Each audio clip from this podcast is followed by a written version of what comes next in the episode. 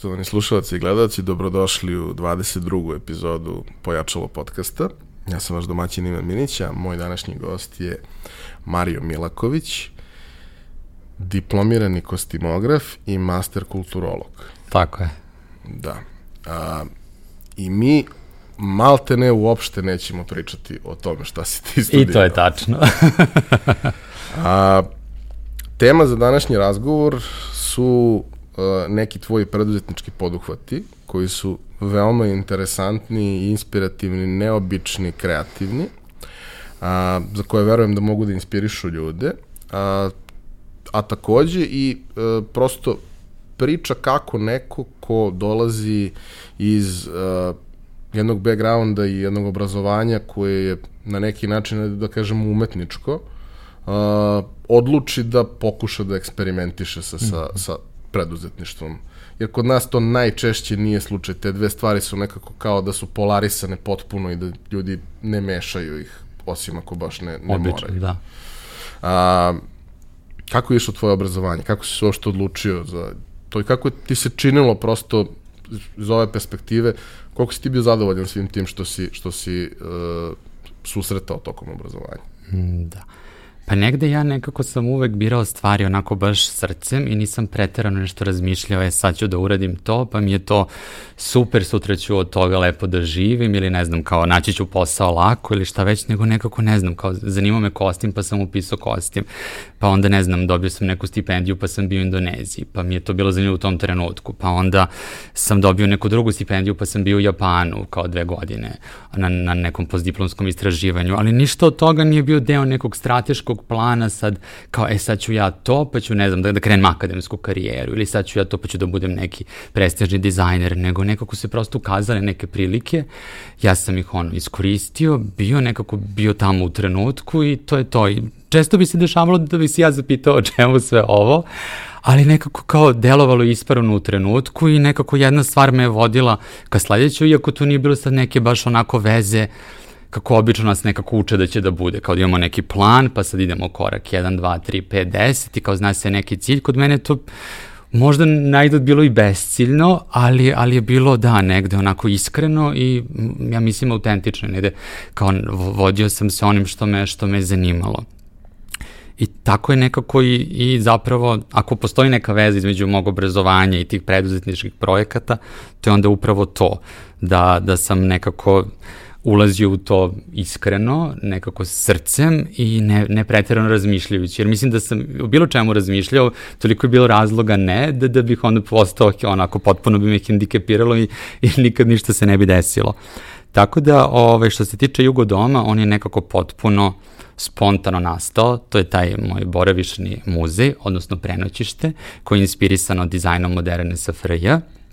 Ove, I nastalo je, u stvari, ja kad sam se vratio iz Japana, s, ovaj, sreo sam se sa realnošću, a to je tržište i, i, i, i ovaj, e, nedostatak posla i nekako sam tako kao šta sad, ok, bilo mi je lepo, Ovaj, I imao sam taj, mislim, taj stan u kom sam živo je bio nekako prevelik za mene i ja sam odlučio da jednu od tih prostorija kao uredim u nekom stilu koji je meni lično zanimljiv i inspirativan i koji mi se sviđa i to je dizajn moderne i pošto su nekako ti komadi namešte relativno dostupni, lako ih je naći kod nas, ja sam to tako nekako spontano krenuo da, da uređujem. Onda, pošto sam ja i da, živeo u tom prostoru, gosti su, da, da napomenem, Airbnb je tada, to pričamo sada već pre, još malo pre šest godina, ovaj, je bio nekako u povoju i ja nisam nešto previše znao, znao sam da postoji, znao sam koji je princip, nisam bio siguran šta mislim o tome da nekako mi se po stanu kao motiv neki stranci, ljudi koje ne poznajem, iako sam kao i sam kao volao da putujem i često boravim u domove svojih prijatelja, ali ovo je nekako, jeli, drugačije. Uh, Ljudi su dolazili, ono, ja sam ih upoznavao, sticao zapravo ono, drugarstva, čak i prijateljstva i dobio jednu neposrednu povratnu informaciju o svemu tome, koja je uvek bila pozitivna, niko je neko potpuno prevadišlo moje očekivanja koja pride nisam nešto ni, ni pretirano imao, jer ideja je bila, ok, ajde sa vrlo malo novca da uredim jednu prostoriju, pa bar kad mi dođu ti prijatelji kod kojih sam ja bio svugde po svetu, da imaju gde da spavaju, a ne kao, kao ja na, na, na dušeku, ovaj, na podu. I onda, Ovaj, da, onda je bila super reakcija, to me spontano vodilo da preuredim i drugu sobu, onda vrlo brzo posle toga i treću, onda sam se ja kao posledica ovaj, svega razvoja cijele te ideje i reakcije okoline na nju, odnosno posetilaca i selio iz, iz, iz tog prostora i tako se rodio Jugodom. Uh, jedna od stvari koja možda ima veze sa tim što su sve reakcije pozitivne, odnosno većina reakcije ljudi koji dolaze su, su vrlo pozitivne, je činjenica da prosto platforma je takva da ljudi imaju informaciju vrlo jasnu kroz slike, opise mm -hmm. i mhm. sve ostalo, vrlo detaljno i precizno o tome gde dolaze. Tako da neko koga ne zanima neće ni zabrati to jer mu se prosto neće uklapati iz, iz bilo kog razloga mm -hmm. u, u, u ono što želi. A opet, očigledno, postoji značajan broj ljudi koji deli neke pozitivne emocije i o toj estetici, i o tom nekom nameštaju, i o tim nekim plakatima, čak i oni koji ne znaju nisu, Većina ne zna da, zapravo. Da, stranci koji mm. ne znaju o tome previše, ovaj, na neki način pozitivno reaguju na to, što nas možda dovodi do toga da te neke stvari u to neko vreme nisu možda bile toliko loše. Mislim, i ja kad vidim određene komade mm. nameštaja iz tog perioda, ovaj, jako pozitivno reagujem na to i kao razmišljam već godinama da restauriram neki nameštaj koji, jer je to kao jako kvalitetno napravljeno mm. sa jedne strane, a drugo estetski ima neku crtu koja je stvarno bila na nekom vrlo visokom nivou u, u odnosu na to šta se dešavalo mm. i po Evropi i tako dalje, ali ima taj neki lokalni moment, kao svi se mi sećamo tokom odrastanja, da li je to kod tetke, bake, negde neka fotelja ili neki, neka škrinja ili nešto što je bilo što je bilo posebno bitno. Uh, gde si ti nalazio te komadi? Najrazličitiji. Krenuo sam od onog što smo imali u porodici, pa u nekoj ono široj porodici, familiji, pa onda prijatelji, poznanici, tavani, podrumi, buvljaci, prodavnice polovnog nameštaja, Kupindo, eBay čak za neke plakate kao koji su izali iz inostranstva, tako da Ove, da, bili su najrazličiti. Kao i nekako i svako kolekcionarstvo, nekako mora da se koristi više, više izvora i onako jedan je vrlo dug proces, meni beskreno bio zabavan i onako ispunjujući, Ovaj, ali da, nekako je bilo vrlo, vrlo time consuming, ali da, onako, baš je bilo zabavno i bilo je nekako zadovoljstvo nalaziti sve te stvari.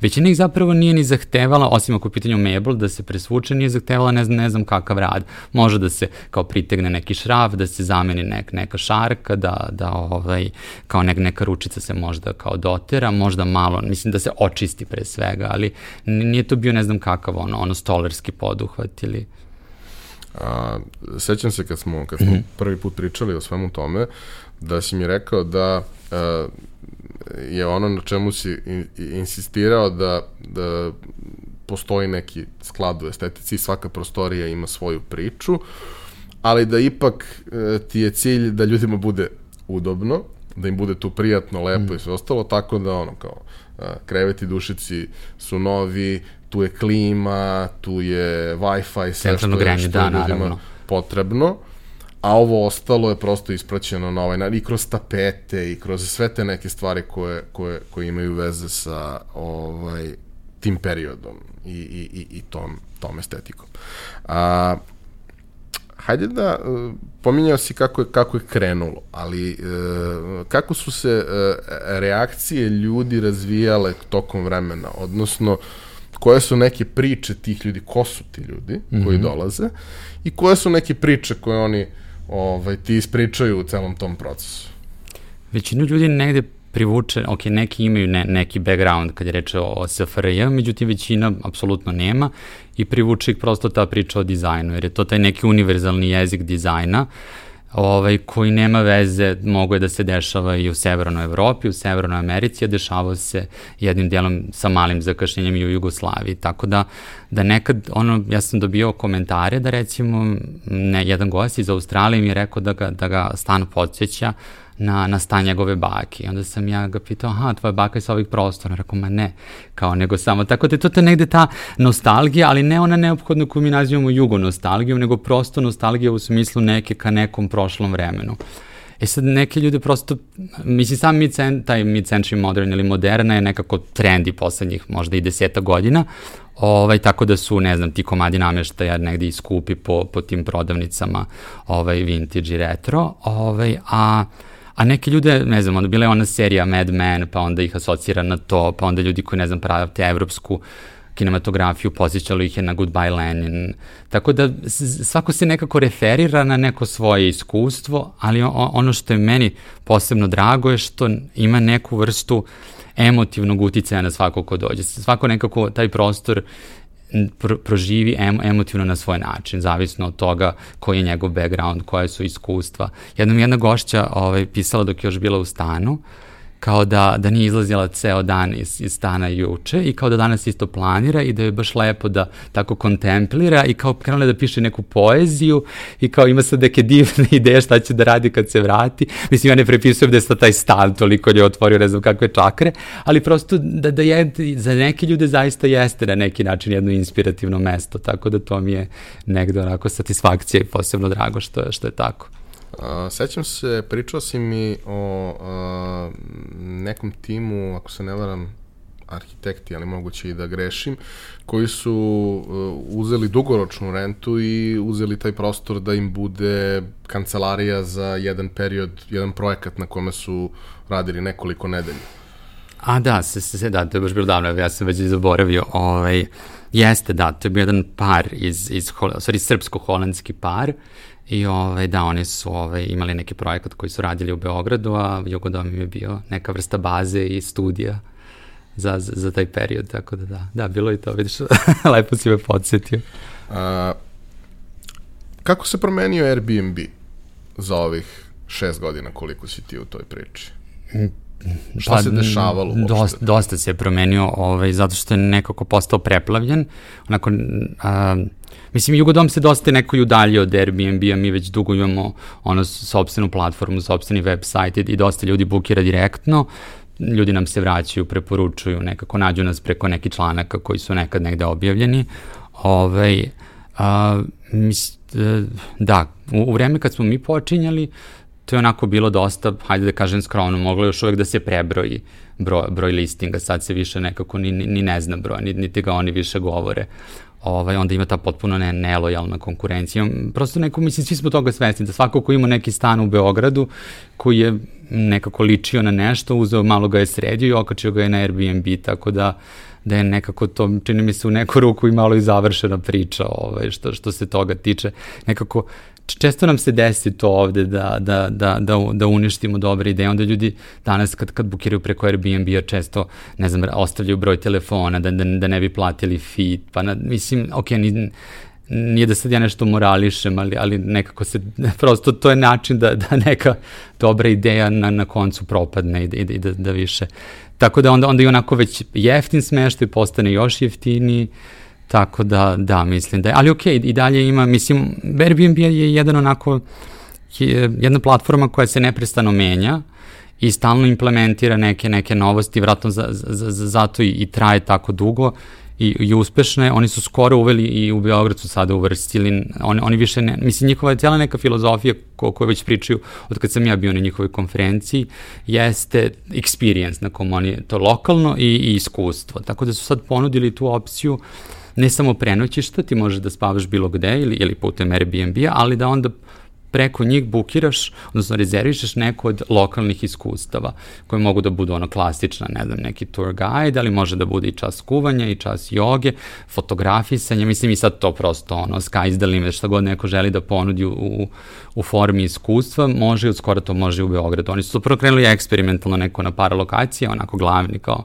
Pariz, New York, LA i tako dalje, pa su nekako širili, pa su stigli do Budimpešta i evo sad kao može iz Beograda. Tako da ja vidim, mislim da je više budućnost u, u tako tim stvarima i, i negde ta jedna nova kategorija koja se odnosi na smeštaj koji je po nečemu specifičan, koji kao ima poseban ovaj odeljak svoj. Mislim, to neko, postoji ceo neki set pravila i uslova koji, koji moraju da se ispune, ali da, to je isto jedno od Pomenuo si da si imao priliku da prezentuješ na njihovoj velikoj konferenciji u LA-u pre nekoliko godina. Kako je došlo do toga i kako je to iskustvo bilo za tebe? Da, ovaj, došlo je potpuno neočekivano, javili su mi se, ovaj, poslali su mi mail, kao pitali su me, Već ja nisam ni znao da, da, da postoji tak, takva konferencija, ovaj, objasnili su mi za, zašto misle da bi bilo dobro da, da ja dođem. Re, rekli su da, da nekako Jugodom kao priča upravo zastupa te vrednosti koje oni po, pokušavaju da promovišu, a to je ovo što sam malo pre spomenuo, lokalno, iskustvo, a, autentičnost i, i rekli su da nemaju nikoga iz, iz ovog dela sveta i da zapravo nikad nisu ni imali i da bi im bilo kao drago ako bih ja došao i, i podelio svoju priču. Uh, za mene je to bilo, mislim, tad mi nisu rekli da ću zapravo govoriti pred 4000 ljudi. Ja u životu nisam govorio pred više od, ne znam, šta je, veličina odeljenja, možda 20-30. Tako da je to bilo, ovaj, kad su mi to rekli, onda sam pomislio, ja, ok, ovo je baš odgovornost i, i pritisak, ali sve nekako bilo zapravo fenomenalno i, ovaj, da, super iskustvo. A, kažeš da se na neki način pf, izgradila i zajednica ljudi i da sada dosta toga se zapravo dešava mimo booking sistema.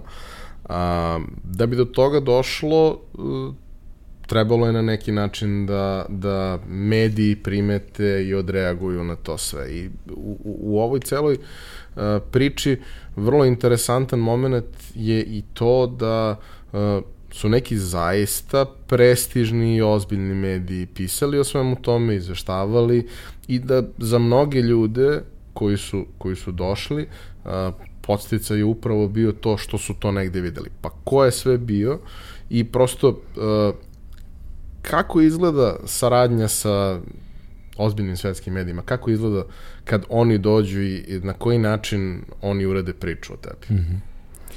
Da, počelo je, ako je recimo ono bila prva faza, ono kao sedim ja sam u stanu i kao razmišljam šta da uradim sa to jednom sobom, onda je neka druga faza bilo baš ta medijska priča. Počelo je sa, onako na, na velika vrata, sa britanskim independentom. Ovaj, zapravo počelo je sa, sa nekim malim, za koje ja tad nisam ni znao koliko je uticajan. Slučajno su me našli na Instagramu i ovaj, jedan uh, lifestyle ovaj, uh, blog je, na, na, mislim, javili su se, tražili su fotografije, imali su par pitanja, sam mi to odgovorio, oni su objavili i onda je zapravo urednica tog travel dela dodatka u Independentu koji izlazi vikendom, ovaj, dala zadatak novinarki ko, koja pokriva ovaj deo Evrope da, da mi se javi i da, i da uredi priču.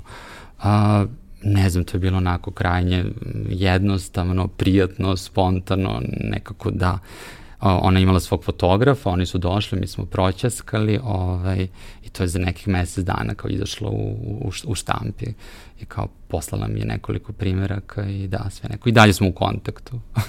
a, koji još mediji su preneli a, priču? Ovaj, BBC, a, američki časopis arhitekturi Dwell, a, mislim da, bilo je tu još nekako, ali da, da, da recimo da kažemo da su to neki među značajnijima.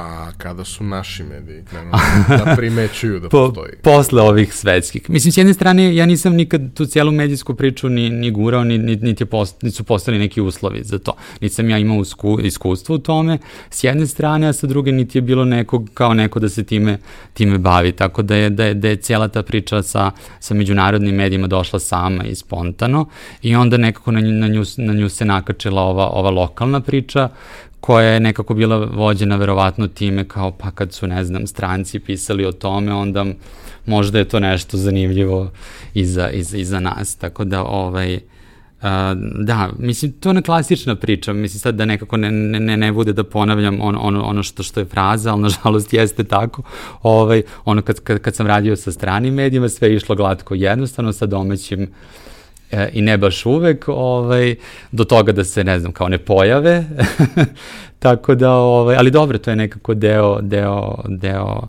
valjda, valjda su zato jedni na, na, na jedno mesto, a drugi na, na drugo.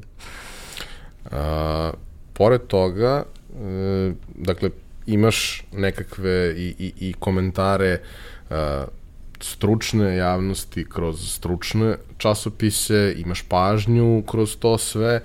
A, Kako se to uh, reflektuje na, na sam prostor? Ti si ga vremenom menjao, unapređivao, reorganizovao. Čime si se vodio kad su te stvari u pitanju?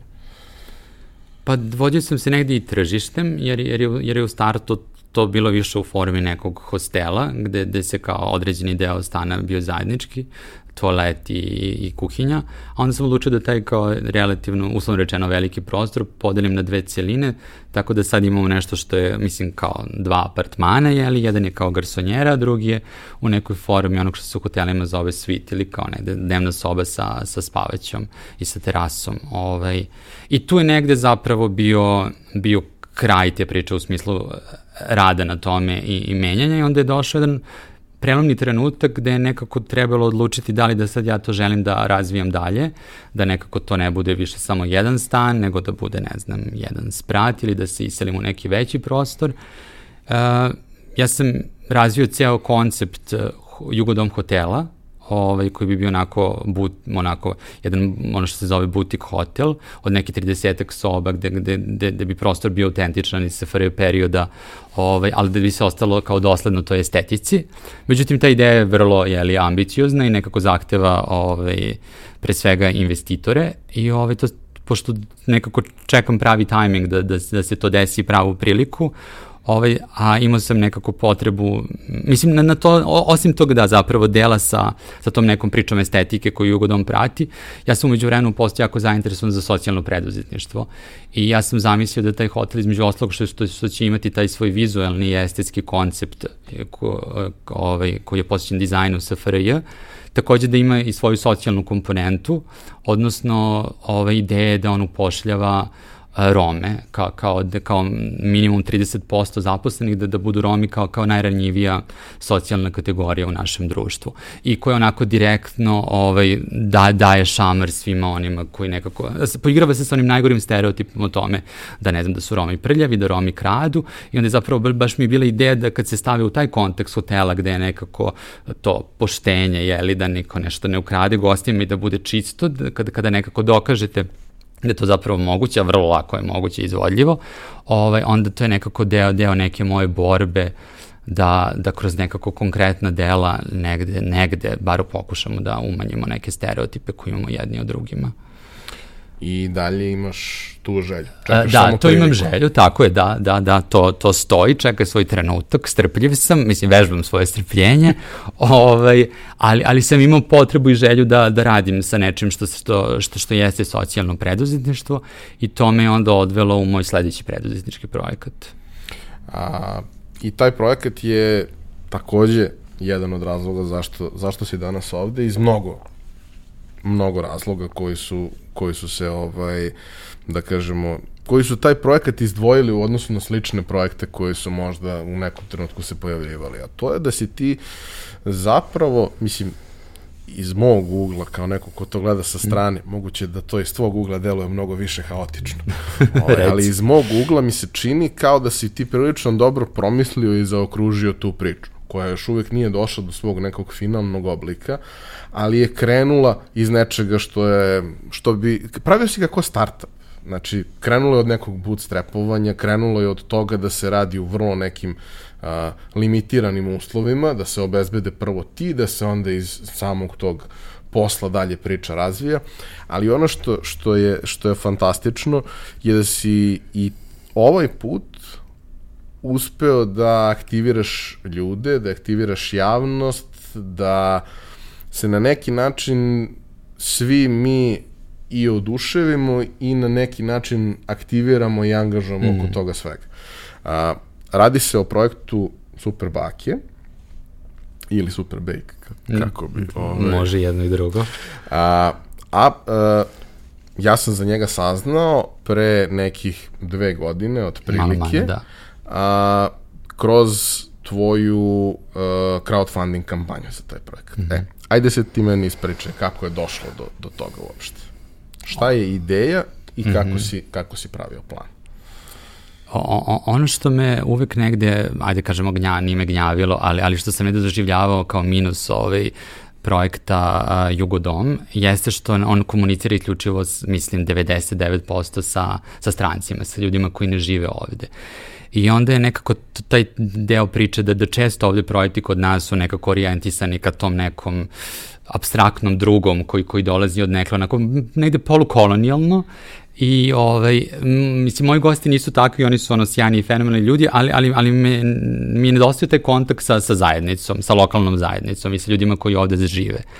I onda, ovaj, ne, osim one priče koju sam malo pričao za, za socijalno preduzetništvo kao takvo, ko, koje umeđu vremenu počelo da me zanima, ovaj, uh, hteo sam da, da ovaj projekat zaista bude uh, okrenut ka, za, ka lokalnoj zajednici, ka zajednici, ka određenoj skupini ljudi i, i, i da bude posvećen, da nekako bude od, od zajednice za zajednicu, da nekako uh, šta je to, jer svi imamo taj čest narativ da se nekako žalimo na, na, na mislim da ne prođe dan da, da, da, da svako od nas se ne požali na nešto u ovom društvu, te ovo ne valja, te ovo nije u redu. I ja nekako verujem ili bar i pokušavam da, da živim u sladu sa tim uverenjem i da delujem, a to je da nekako možemo svi da uradimo ne, nešto malo u nekom svom ono svetu i okruženju. Sad da li je to ulaz grade u kojoj stanujemo ili neka ogromna kompanija ili, ili bilo šta između toga, to je nekako individualno, ali da, duboko verujem. Tako da je o, ovo je projekat koji, koji komunicira sa jednom temom koja je meni užasno bitna, ovaj, ne mislim da je naj, najbitnija, ne mislim da je, da je, da je, da je naj to veći problem, ali mislim da je prosto jedna tema sa kojoj, su, koja mene lično ovaj, nekako budi empatiju, a to je i džizam i odnos prema, prema, prema, prema starim ljudima, prema seniorima. Mislim, već kad, kad kažeš starim ljudima, to već ne ide zvuči nešto, nešto negativno. Kad kažeš mladim, to je, to je u redu, ali kad nekad kažeš, već ta, sama ta reč je, je problematična i mi toliko toga negativnog u, učitavamo uh, U, I mislim da ageizam nekako počne zapravo mnogo ranije, mislim mi radimo sa seniorkama, ali on počne, čini mi se, već od 26. Mi smo nekako diskriminisani po nečemu zbog svojih godina, kao, tako da kao nikad nismo dovoljno mladi i nekako sve nas jeli čeka, ovaj, bar bi tako trebalo, jeli taj, taj, taj period penzije i Mislim, to, to, to, to su stvarno u našem slučaju žene koje, koje toliko toga imaju da daju i koje su vrlo iskusne, zaista imaju dosta snage, naravno uzimajući u obzir njihove godine i što je najbitnije nekako pre, prepune su ljubavi s jedne strane, s druge nemaju baš neka očekivanja jer je njihova pro, profesionalni vek završen, ali, ali znaju dosta toga i nekako mogu, mogu, mogu da daju zajednici mnogo toga. I ovaj, moja ideja je bila da se otvori poslastičarnica, zato sam i pokrenuo crowdfunding kampanju u kojoj će te bake, odnosno penzionerke, spremati domaće autentične kolače. To sam negde prepoznao na tržištu da da nekako takvih kolača i nema baš. Da, da, Svi na neki način pokušavaju da fejkuju domaće da, kolače. Da, apsolutno, ne, to, ta reč je toliko izmanipulisana, ovaj, ali mislim ti kao imaš i u Maxiju domaće kao, ne znam, vanilice, ali kao to, to nema veze sa onim koje ko, ko kao tvoja baka pravila. Ovaj, e, tako da, Uh, zaista onih pravih autentičnih gde se nekako koriste pravi sastojci po onim re receptima kako bi trebalo da se ne dodaju veštačke boje, veštački ukusi, da se nekako ne kalkuliše sa količinom oraha, putera i slično, ovaj toga i nema baš. Tako da s jedne strane sam prepoznao taj neki gap, ali kako se to kaže, ovaj, u tržiš, na tržištu, a, a sa druge strane je on, ono što je meni bilo jako bitno, a to je taj, taj, taj, taj aspekt socijalnog preduzetništva i, i ta neka pod navodnicima borba protiv, protiv iđizma, onako sveopšteg u društvu? A, jedna od stvari e, kojom smo se mi vodili kad smo radili projekat Moja firma, iako faktički dobar deo ekipe na čelu sa mnom dolazi iz IT-a i te priče, je da, ok, provučemo kroz ono što radimo i IT, i IT startupe i firme koje imaju uspešne proizvode i tako dalje, ali da se ne baziramo na tome upravo iz razloga što a, svi mi negde imamo m, roditelje ili rodbinu ili prijatelje koji su u tim nekim, pa možda ne godinama da, da budu penzioneri, ali dovoljno je da imaju više od 45 i oni već postaju neinteresantni poslodavci. Naročito ako su žene u pitanju. Plus, uh, tu postoji moment da koliko god mi pričali o prekvalifikaciji za IT i svemu što uz to ide, neće neko u 45 godina učiti da bude programer i mislim, prosto to neće se desiti. Možda postoji mali broj ljudi koji to može, ali nije to baš neki scenario koji je realan. To ne znači da ne mogu da se opismene, da koriste računar i sve što treba, ali kao neće praviti karijeru u tom smislu. Ali ti ljudi imaju toliko toga da daju. Mm -hmm. Oni taman imaju dovoljno iskustva, taman su spremni za to sve i onda smo negde pokušavali da pričamo te priče u kojima možeš da zamisliš svoje roditelje, strica, tetku, šta god. Da li je to neka mala zanatska proizvodnja, da li je to nešto, mislim, nažalost, e, sada mlade generacije često nemaju te, te momente koje smo i mi e, malo stariji imali, a to je ja se sećam šta sam ja volao da radim kao klinac. Ja se sećam da sam ja voleo sa Čaletom da pravim drvene igračke. Ne zato što kao nismo imali za igračke, mada je to je bilo taj period 90-ih kad realno nije baš, da baš bilo mnogo resursa, ali ja sam to volao da radim. Mm -hmm. Mene je to usrećivalo. Ja sam znao to da radim. I sad kad mi kažeš ono 20 godina nisam uzeo skalpel u ruke, ali sad bih možda mogao nešto da uradim sa time, kad razmišljam o tome bi to zapravo i voleo. I onda gledaš i shvataš da postoje neki ljudi koji su uh, ili sticajem okolnosti i prilika ili prosto na osnovu neke svoje želje i unutrašnjeg osjećaja krenuli tako nešto da rade i ispostavilo se da to može da ima smisla, da oni možda mogu da prave nešto ili mogu da učestvuju u nekom procesu da doprinesu da, da se prvo finansijski stabilišu, s druge strane da se i oni ljudi bolje osjećaju, da budu, da kažemo, koristan deo društva, porodice i svega ostalog. I da to prosto može da bude jedna lepa priča, a upravo čak i ako postoji u medijima prostor mm -hmm. za te neke uh, sjajne poslovne priče sa naših prostora kakvih zaista ima, one su uglavnom fokusirane na to što je takvim ljudima apsolutno nedostižno i daleko izvan nekog nivoa poimanja koje mogu. E, zato mi se mnogo svidela ova priča, zato što je to jedna realna priča o realnim ljudima i da, niko ne pravi uh, vanilice, kiflice ili bilo šta drugo bolje od nečije bake, pa ako baš tvoja baka nije u prilici da to uradi, ima negde neka baka koja jeste u prilici da, da to napravi. A, kako je krenulo? Crowdfunding kampanja je bila za neki relativno uh, skroman iznos i za sam početak te priče. Šta je trebao da bude početak?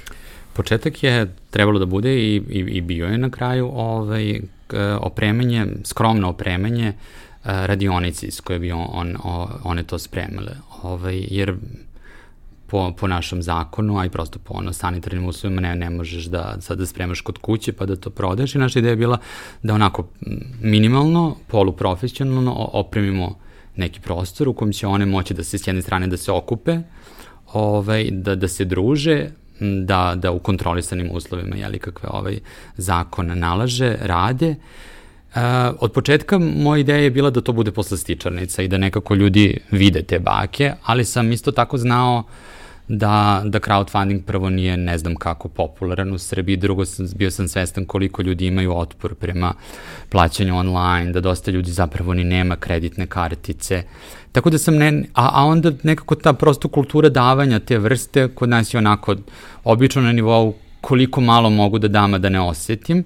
I kad su se nekako sve te stvari uzele u obzir, došli smo do jednog relativno skromnog iznosa, ali nas to uopšte nije obeshrabljeno, nego je prosto to bila svest o tome, ok, tu smo, gde smo, nekako ljudi su m, prosto informisani način na koji su informisani ili neinformisani i prosto ajde da radimo sa onim što imamo. Bilo nam je jako bitno uh, da, da se čuje za to pre svega, jer, jer je to bilo samo, do tog momenta bi to bilo samo na nivou ideje, ništa više od toga. Postoji određeni ma, mali tim baka, ovaj, koji sam okupio i to je bilo to. Tako da je crowdfunding kampanja bila zapravo i odličan test da li, da li to kao, kao jedna buduća poslovna ideja uopšte ima smisla raditi u, u, Beogradu, jer nekako meni može nešto da bude fenomenalno, ali da niko drugi se mene ili se nekolicine ljudi to misli, ok, kao, ili je ideja loša, ili, ili nije dobar tajming, ili nije dobro mesto, ili sve to zajedno, ili nebitno. Tako da je to bio jedan odličan zapravo test tog samog poslovnog modela. I, i reakcije su zapravo, mislim, ja sam ušla to, u to sa, sa, naravno, nekako sa verom da će to da uspe, ali, ali, ali, ali su same reakcije mnogo više prevazišle ovaj, nekako naša neka najoptimističnija očekivanja.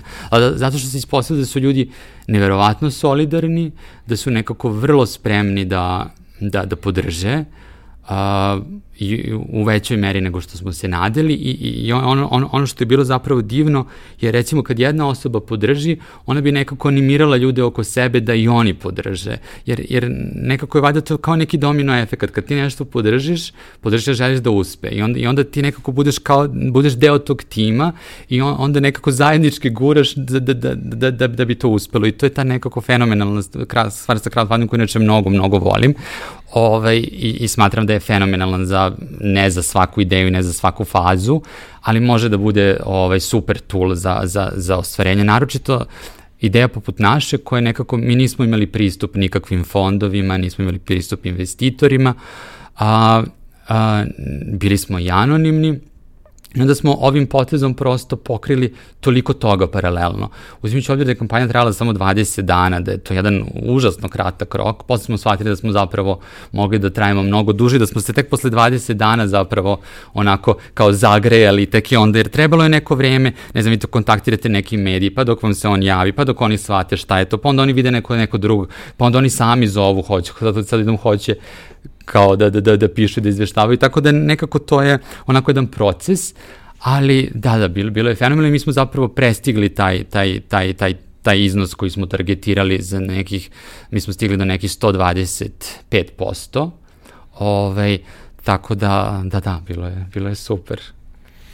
A, ono što je takođe, ok, da, crowdfunding sa sobom vuče upravo tu komponentu potencijalno viralnosti, ali a, mislim da a, e, važan kontekst cele priče a, e, ti si razmišljao o a, socijalnom preduzeću. I vrlo često a, socijalna preduzeća ovde imaju neku negativnu emociju, kod, izazivaju neku negativnu emociju kod ljudi, jer vrlo često to nije na neki način uh, prilagođeno a, nekim realnim očekivanjima, odnosno a, insistira se mnogo na socijalnom, a vrlo malo na preduzetništvu. I onda tu postoji nekakav disbalans u celoj priči. Priča opstaje do trenutka dok postoji neko ko, ko zaista želi da je podrži, to su radile i razne neke banke i razne neke firme, ali čim uh, prestane na neki način podrška tog tipa, ta priča ne bude više održiva, jer nije napravljena da bude održiva. E sad, u poslednje vreme postoji dosta jako lepih e, e, primera socijalnog preduzetništva. Mi smo nedavno na a, pojačalo druženju imali Bagel Bagel, postoje i razni drugi slučajevi, recimo ja zaista jako volim uh, lice ulice i celu priču koja ide uz to sve i mislim da to uz ovo što ti radiš uh, podiže celu priču na, na, na jedan viši nivo i mislim počinje da predstavlja koncept ljudima na pravi način. Šta je cilj svega toga? E sad, hajde, probaj ti svojim rečima, pošto definicija nije bitna, definicija mm -hmm. može uvek da se pročita, ali šta je za tebe socijalno preduzetništvo? Socijalno preduzetništvo, a da ne bude definicija, ovaj, je, je prosto preduzetnička ideja koja, koja rešava neki socijalni ili ekološki izazov. Znači da kroz, kroz preduzetničku priču, kroz, kroz neku poslovnu ideju, kroz neko poslovno rešenje, ti, ti istovremeno pokrivaš i neki socijalni aspekt. Gde profit nije na prvom mestu, znači profit u smislu samoodrživosti da, ali, ali, ali, ali profit u, u onom, u onom jeli, okrutnom kapitalističkom smislu ne, nego je fokus i nije ideja da, da se taj novac izlači, nego da on nekako nastavi da se, ili, ili da se ta ideja širi, ili da se opet podržava nešto slično tome, tako da je to ta, da, to, to što ti kažeš jeste istina, da, da, da su kao kod nas neretko ovaj, socijalne preduzeća više socijalna nego, nego što su preduzeća, ali ja nekako ne bih ukrivio njih zbog toga, nego je to nekako jedan ceo set nepovoljnih okolnosti. Mislim, kod nas pre svega ne postoji zakon. Zakoni o kojima se govori su toliko nepovoljni da, da, da bolje da se nikada ne izglasaju, koliko su nestimulativni za sami socijalne preduzetnike. A, ob, obično, onda, onda s druge strane imamo tu, tu biznis priču koja nikako nije prepoznala da, mislim, kod nas ni, ni, ni on, ono, društvena korporativna odgovornost nikad nije zaživela do kraja, a, a kamoli ovo, tako da, da nekako, naš uopšte odnos, mislim, mi smo i dalje u tim, jeli, raljama tranzicije, tako da nekako vrlo se onako gleda prvoloptaški, i, i samo onako na, na trenutak i, i šta će trenutno da, da, da, da kapital i, i da nekako da, da tom investitoru ili, ili, ili, ili preduzetniku ili kome god da nekako što, što, mislim, što ja naravno razumem, mislim, uopšte ne osuđujem to, ali nekako ja, ja, ja kad sam razmišljao da, da širim jugodom i kad sam, kad sam došao do, do toga da krenem u realizaciju Superbaka, sam prosto mislio da da nekako baviti se samo mi je, ne znam, on, dosadno, kao, kao za, za, zašto samo to kad može mnogo više od toga. Vrlo je nekako homogeno, vrlo je, vrlo je jednodimenzionalno i mi nekako mi je neverovatno da zapravo ljudi to još uvek ne uviđaju jer je toliko očigledno. Ove, ovaj, ali da, ne znam, valj, valjda nekako mis, ne znam, mislim, kod nas, nažalost, šta god nekako radiš špionirski, ti na kraju nekako završiš i kao aktivista, hteo to ili ne, tako da ja samom sebi sad dok ovo izgovaram, zvučim pomalo tako, ali, ovaj, da, to je, to je neka, neka, neka, vada naša, ne znam, ovaj, neminovna realnost. Uh, ono što si mi isto pitao na početku, vezano kao za, za moje obrazovanje, iz, iz, iz, kao kakve to veze ima to što sam jeli studirao, pa to gde sam završio, ovaj, uh, mislim, postoji ta, jeli, teo, teorija da, da je nekako lično uvek i političko, za mene nekako lično uvek i profesionalno i uopšte ne mogu da razdvojim. To sad kao ja nešto, imam privatan život s jedne strane, a s druge kao nešto radim i to su kao neka dva ostrva koje se gotovo ne, ne susreću. Mislim, meni je to, kao ja, to meni uopšte nije kao common sense, nekako nerazumno mi je užasno ovaj, i, i ne razumem. E, ta, tako da, da nekako, mislim, meni je uvek lično nekako u paketu sa, sa profesionalnim i, i nekako, da, ne, ne mogu da verujem da neko može da radi nešto u što ne veruje i da. Dobro, mislim da ovaj, kapitalizam nam je doneo dosta nekih stvari koje možda ne korespondiraju. Ali to je neki izgovor koji uvek ide. Nije, nije, nije kapitalizam samo to i socijalno preduzetništvo, isto kapitalizam. Socijalno preduzetništvo je užasno razvijeno u severnoj Evropi ovaj, i učestvo ima, ima značajan šer u ekonomiji. Mislim, i, i, i, i na tom nivou, kad ti neko gledaš tako, ono, ono strogo na nivou brojki, nekako postoji savršena argumentacija da, da, da ga opravda, ali, ali nekako da, ljudima je tako lakše da valjda nekako rade po nekom uhodanom modelu, da nekako nešto mnogo ne, ne izlaze iz toga, da ne eksperimentišu i a nekako ni ne mislim da su ljudi nekako ovde, da su nešto manje hrabri ili manje kreativni, nego je nego je nekako kod nas, ja mislim, ogroman stid nekog potencijalnog neuspeha ili fejla. I onda, I onda je to stalno praćeno sa tim šta ako ne uspeš, šta sad pokreneš crowdfunding kampanju, ne skupiš pare, pa mislim bit ćeš na istom mestu na kom si sada, a verovatno na boljem. Da, da. Tako da, da nekako da. Mislim, ja to zapravo, mislim, ovo sve moje neka nagađanja, ja iskreno nemam razumevanje toga, kao to nekako nije, nije ovaj, e, da, apsolutno ne razumem, ali da, ja nekako pokušam nekada da odgonetnem o, o čemu se tu radi, ni meni nije baš najjasnije. A mislim da tu postoji jedan moment uh, da su se mnogi stvari kod nas razvijale pod pritiskom toga da je to uh, prosto stiglo od negde kao način na koji se nešto radi corporate social responsibility, uh, aktivnosti su došle tako što imaš multinacionalke koje to imaju po da, defaultu i, i to im, mora da, da, da se da, radi da. i oni ljudi to rade, neki to rade samo da ispune formu, neki su stvarno shvatili da bi s tim nešto mogli da naprave, ali kao kad pogledaš malo, analiziraš stvari, to se najčešće završi na tim multinacionalkama, par nekih, ajde, naših velikih kompanija tome pridaje značaj, bavi se time na neki ozbiljan način, ali bukvalno i kad, i kad ono, čitaš o menadžmentu i čitaš biografije neke interesantne, uspešnih poslovnih ljudi, postoji neko koga to, postoje ljudi koji to vuče od početka, a postoje ljudi koji Uh, kojima u nekom trenutku neko skrene pažnju da bi možda trebalo da povedu računa o tome. A to obično bude u trenutku kad to dovoljno taj nekakav poslovni uspeh dođe na neki dovoljno visok nivo, da čovek e, prvo može da ima malo slobodnog vremena, pa može da bude posvećen time. Drugo, ima nekakvu finansijsku sigurnost i sve ostalo. I da kaže, e, šta bih ja sad mogao da radim? Pa, znaš, možda bi mogao nešto da vratiš zajednici. Odlična ideja. Šta bih da. mogao da vratim? Da? I onda, znaš, kao kako ne padne ranije na pamet, ne znam, ali okej, okay, kao i to negde mogu da, da, da, da, da razumem, ali mislim da kod nas još uvek ima mnogo slučajeva upravo zbog tog nekog uh, momenta večne tranzicije u kojoj smo. I sa druge strane uh, uh, možda nekog uh, unutrašnjeg stalnog pritiska i, i osjećaja nesigurnosti i nestabilnosti i pritiska okruženja da smo možda mnogo zatvoreniji ka tome i da treba malo vremena da se ljudi da se ljudi otkreve. Mislim, mi živimo u zemlji u kojoj uh, nije nerealno razmišljati o tome da bi možda ponovo mogo da bude neki rat u nekom narednom periodu. Nadamo se da neće. Mislim, stvarno se svi nadamo, ali kao nije kao da je potpuno izvan svih uh, ono, da kažemo logičnih uh, nekih normi koje, koje uh, jedno ovakvo društvo ovaj, ima. Uh, ajde sad ti nama reci, a šta vi to lepo pravite?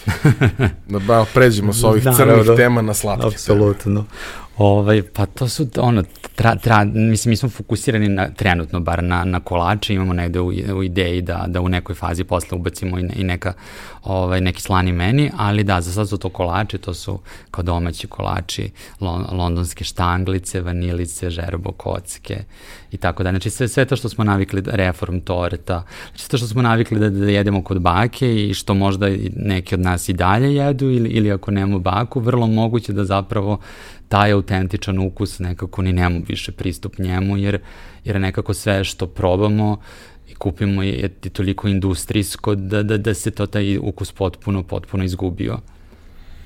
A ko su kupci?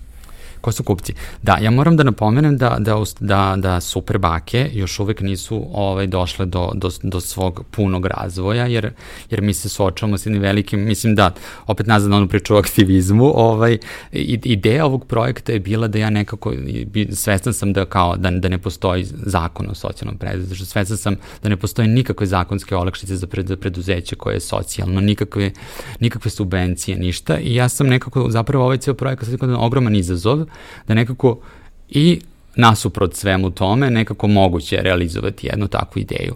Tako da jedna stvar koju smo mi sebi u startu zacrtali, još uvek se držimo toga, jeste da pošto jedini zakonski okvir koji postoji, jeste da, da kao udruženje građana vi možete da pod određenim okolnostima i uslovima dobijete prostor uh, po uh, sniženoj ceni od, od grada Beograda. E, to jako, mislim, iako postoji na papiru, u realnosti se vrlo redko i vrlo teško primenjuje i mi smo nekako zapravo po prethodnih gotovo pa godinu dana proveli lobirajući zapravo na tome, namjerno se odupirući tome da, da odemo prosto iznavimo lokal i onda uđemo u kompletnu ovaj, e, tržišnu priču jer, jer mi imamo tu okolnost da osim toga što upošljavamo bake, odnosno penzionerke koje će biti plaćene za svoj rad, takođe upošljavamo i mlade ljude. I ovo je s jedne strane projekat koji nekako pravi jedan most povezivanja međugeneracijskog, tako da, da naša radna snaga, da tako kažem, je duplirana. Tako da mi u startu za, za, za ono što su ljudski resursi ćemo imati duple iz, iz, izdatke. I ako, ako nam i Kirija bude tržišna, nekako vrlo pretimo, vrlo nam preti opasnost da nekako jedna ideja koja je ovako kako jeste, ovaj, bude nekako zapravo onako zaklana u startu. I to je ono što se dešavalo mnogim socijalnim preduzećima kod nas i, i, i zato nekako tu priliku, jedinu koja postoji sa gradom, nekako ne želimo da ispustimo i zato smo se toliko onako religiozno posvetili tome i tu sad postoje ovaj pomoć, imamo jednu otvorenu komunikaciju sa njima, samo nekako prosto čekamo da se, da se pojavi prostor koji, će, koji oni mogu da nam ustupe s jedne strane, a s druge koji, koji će biti adekvatan za nas. Ovaj, tako da još uvek čekamo. Dok se to ne desi, mi uslužno koristimo prostor uh, radionicu drugog socijalnog preduzeća uh, koji smo opremili od crowdfunding kampanja Naša kuća je u pitanju i bake to spremaju za, za, za povremene ovaj, za povremena gradska dešavanja manifestacije, gde one neko imaju priliku da se druže ili, ili za neke onako prosto ograničeni smo sa tim, jer, jer je negde ideja projekte da vi vidite bake, da komunicirate sa njima. Ako one samo odu tamo u radionicu, naprave te kolače i mi to isporučimo, to je nekako mogo da napravi bilo ko, uslovno rečeno, nekako nema, to, nema, nema onoga što je jako bitno za ovaj projekat, to je ta razmena, da nekako, da nekako vi dođete, da vidite tu baku, da ona nešto ispriča o tom kolaču ako vas zanima, da, da, da ne znam, da, da, da, da date neku svoju povratnu informaciju, da podelite nešto s njom, da se ona neko osjeća dobro, da se vi osjećate dobro. Ovaj, tako da, da smo odlučili da sad radimo samo događaje na, na kojima je moguće da dođu i bake da bi posluživale, tako da, da bi se desila ta komunikacija. Tako da, ili, ili smo na manifestacijama po gradu, ili, ili radimo tako te neke događaje koji su obično ovaj, poslovnog tipa, uh, gde, gde ovaj, da, ba, bake spreme kolače, dođu i onda se druže sa, sa posetiocima.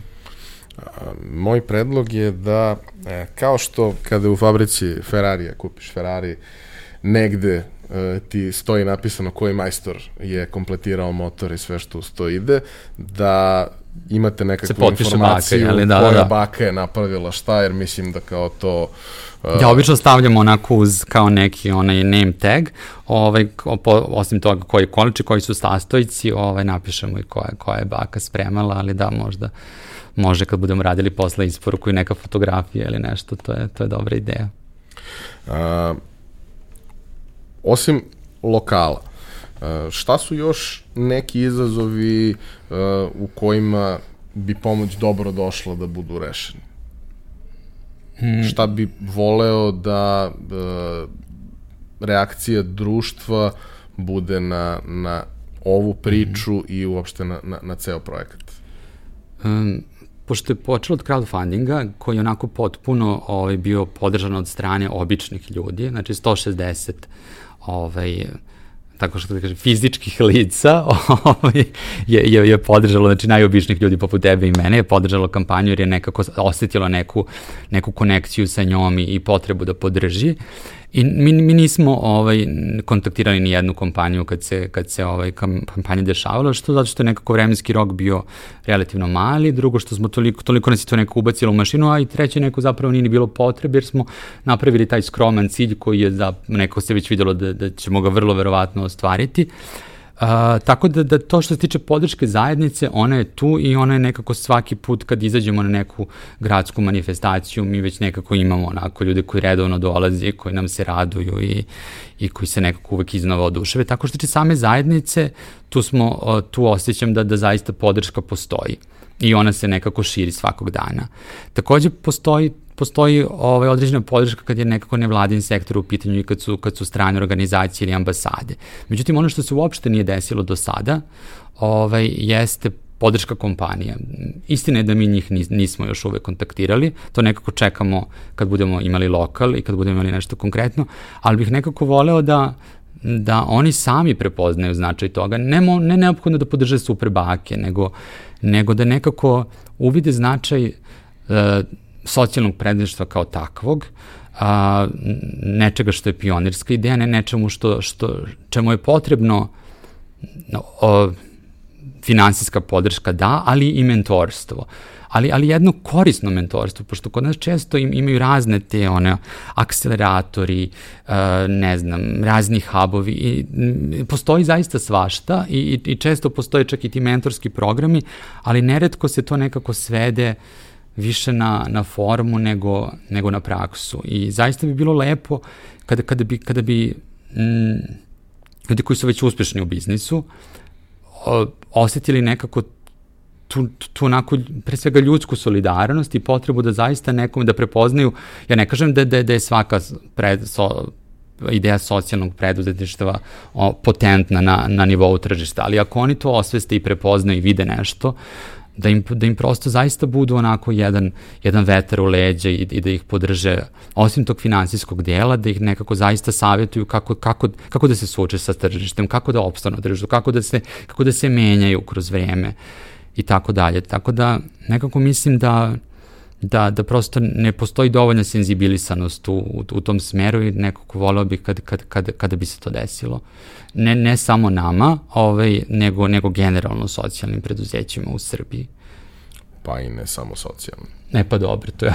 Znaš, malo, Nekako, malo zaostajemo i u tom ne, smislu i kod klasičnog preduzetništva, da ne postoji transfer znanja. I generalno ne postoji, ja mislim, ta kultura mentorstva, tog nekog iskrenog, da neko zaista želi na, na tebe da, da, da prenese neko znanje. Postoje neke razne onako pozicije moći ili, ili onako pozicije te superiornosti ili, ili, ili, ili strašno velika količina sujete, ali, ali, ali da neko zaista onako želi da pristupi nekome onako otvorenog srca i uma i, i, i da onako bez zadrške podeli to što zna, a i da on pritom sluša, jer, jer to nikad ne treba da bude jednosmerno, a kod nas je obično to nekako, kod nas ljudi neretko drže monologe, mi, mi, mi vrlo redko vodimo dijalog jedni sa drugim, uvijek je čekaj da ti kažem. Tako da... Kod nas ljudi vrlo redko slušaju. Pa... kod nas ljudi vrlo redko slušaju šta im druga strana govori. Ali imam da ta druga strana često drži monolog, da nekako ne oseti kad je ovaj prestao da sluša, kad ga je izgubio, kad jer možete se stvarno suočiti sa nekim ko stvarno nekako misli da je socijalni predlog, stvarno nema veze sa biznisom i treba ga nekako tako i prihvatiti, nekako već kod prve rečenice napraviti jednu pauzu i nekako proveriti da, da li je zaista to razumeo. A, nadamo se da će Bake dobiti lokal, nadamo se da će priča nastaviti da se razvija, apelujemo na sve koji su u prilici da doprinesu tome da se to desi što pre, da urade nešto po tom pitanju, jer zašto bi ovo leto prošlo bez jednog tako sjajnog. Zašto ne bi bilo super? Da, zašto ne bi bilo super? ovaj, a uh, šta se dešava sa tobom? Šta su uh, neki tvoji ostali neke tvoje ostale ideje na kojima želiš da radiš. U kom smeru uopšte želiš mm -hmm. da, da, da se razvijaš dalje, jer čini mi se da si uh, jednu priču zaokružio u potpunosti, da u drugoj priči si trenutno u poziciji u kojoj uh, to ide u nekom dobrom smeru, ali zahtevam dosta nekog čekanja, mm -hmm.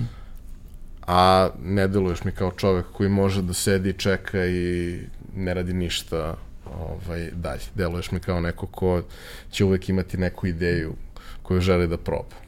Da, da, imam, da, imam više ideja, ali zapravo voleo bih da, da zapravo ova stvarno priča sa, sa superbakama zaživi i ona će zahtevati ono o, o, ogromnu posvećenost onog momenta kada, kada dobijemo te lokali, kad to krene da radi, to će sigurno prvi godinu dana biti vrlo, vrlo intenzivno.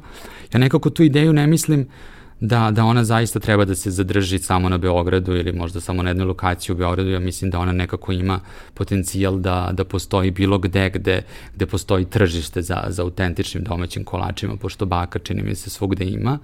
Ovaj, Tako da, mislim, mi smo već imali ne, vrlo nekako pozitivne reakcije iz regiona, tako da nekako vidim da to zaista može da se širi i, i da bude neki regionalni brend. Uh, I ne mora da ostane samo na nivou bake spremaju kolače, nego te iste bake mogu da spremaju i džemove, i ajvar, i, i, i, i, i sve ostale domaće proizvode. Pitu, pitu. da, da, da. Ovaj, Tako da, da tu zapravo zaista, zaista postoji ovaj, jedan o, ogroman potencijal. Ja, ja ne, ne bih voleo da sada za 10 godina radim to intenzivno koliko radim sada, ali nekako nemam sad neki vremenski rok sa koliko sam ja sebi zacrtao, jer, jer mislim da je, da je to negde nemoguće predvideti i u nekim idealnim okolnostima od, od ovih naših. Ovaj, ali bih da, saglasan sam sa tim da budem posvećen ovome koliko, koliko god to bude zahtevalo, da se to razvije koliko koliko može i da u jednom momentu se ja negde delimično povučem iz te priče, mada ne bih nikad voleo u potpunosti da se povučem nekako, vo, voleo bih bar da, da, da nekako ono, e, radim na, na daljem razvoju i, i, i da nekako utičem na, na, na nekako da, da prosto budem u toku šta, šta, šta se dešava, jer ja sam neko užasno strastveno u vezi sa, možda to ne pokazujem dovoljno, jer ovaj, tako sam kao malo suzdržan, ovaj, ali da, nekako super bake su nešto što, što zaista je nešto što ja duboko, duboko verujem, uh, i, i nekako mislim da, da, da, da ima da ima ove velike potencijal da se, da, da, da se razvija na različitim nivoima. Što smo, što smo spomenjali za Jugodom, ta ideja hotela stoji, tako da će ona na nekom trenutku doći, doći na red. Ovaj, a umeđu vremenu, da, sigurno će se desiti još nešto. Mislim, ja nekako ovaj, i ne, ne volja sa idejama je što ih je ovaj, mnogo lakše zamisliti nego realizovati. Tako da onako treba, treba dobro isfiltrirati kao koju ideju zapravo sledeću želim da, da, da, da, da pustim u, u pogon, jer, jer će me ovaj dosta, dosta nekako koštati ali vremena i energije, ali da, nekako, bitno je da, da nekako budem užasno strastven u vezi sa njom kao što sam bio u vezi sa pred, ove prethodne dve nađi nešto što ćeš voleti, pusti da te obuzme u potpunosti i vidi gde to. će to da te dovede. Tako? Da. Mario, hvala ti što si bio naš gost. Hvala tebi. Nadam se da ste uživali u priči i nadam se da ćete dati priliku a, bakama i da ćete se podsjetiti nekih ukusa detinstva. A, poštovani slušalci i gledalci, Uh, molimo vas kao i do sada da svoje komentare ostavite za to predviđenim poljima i da nam pišete preko društvenih mreža i preko sajta, da nam dajete komentare na to kako vam se ovo sve čini, da nam dajete predloge ko bi još tu mogao da bude. A uh, imali ste prilike možda da, da ispratite, barem oni koji su iz Beograda, da smo do sada organizovali dva druženja, sledi nam i treće. Jedna od praksi koje smo uveli na druženje je da uh, taj neki period uh, inicijalno ed, edukacije na samom početku je, da kažemo, malo konzervativniji on traje jedan deo, ali nakon toga sredi deo sa druženjem, upoznavanjem uh, i deo sa na neki način dobrim provodom. Uh, naša ideja je bila da u tom delu uh, uvedemo želeli smo da uvedemo catering i da uvedemo male proizvođače raznih nekih zanimljivih prehrambenih proizvoda kod nas, sokova i svega. Uh, Tako da, ako sve bude kako treba, na narednom druženju, bit će i bake tu da se upoznate sa njime i da probate neki od ukusa pa, našeg detinstva, ako možda ne vašeg. Nije naše detinstvo bilo toliko loše. Da, i nije bilo toliko davno.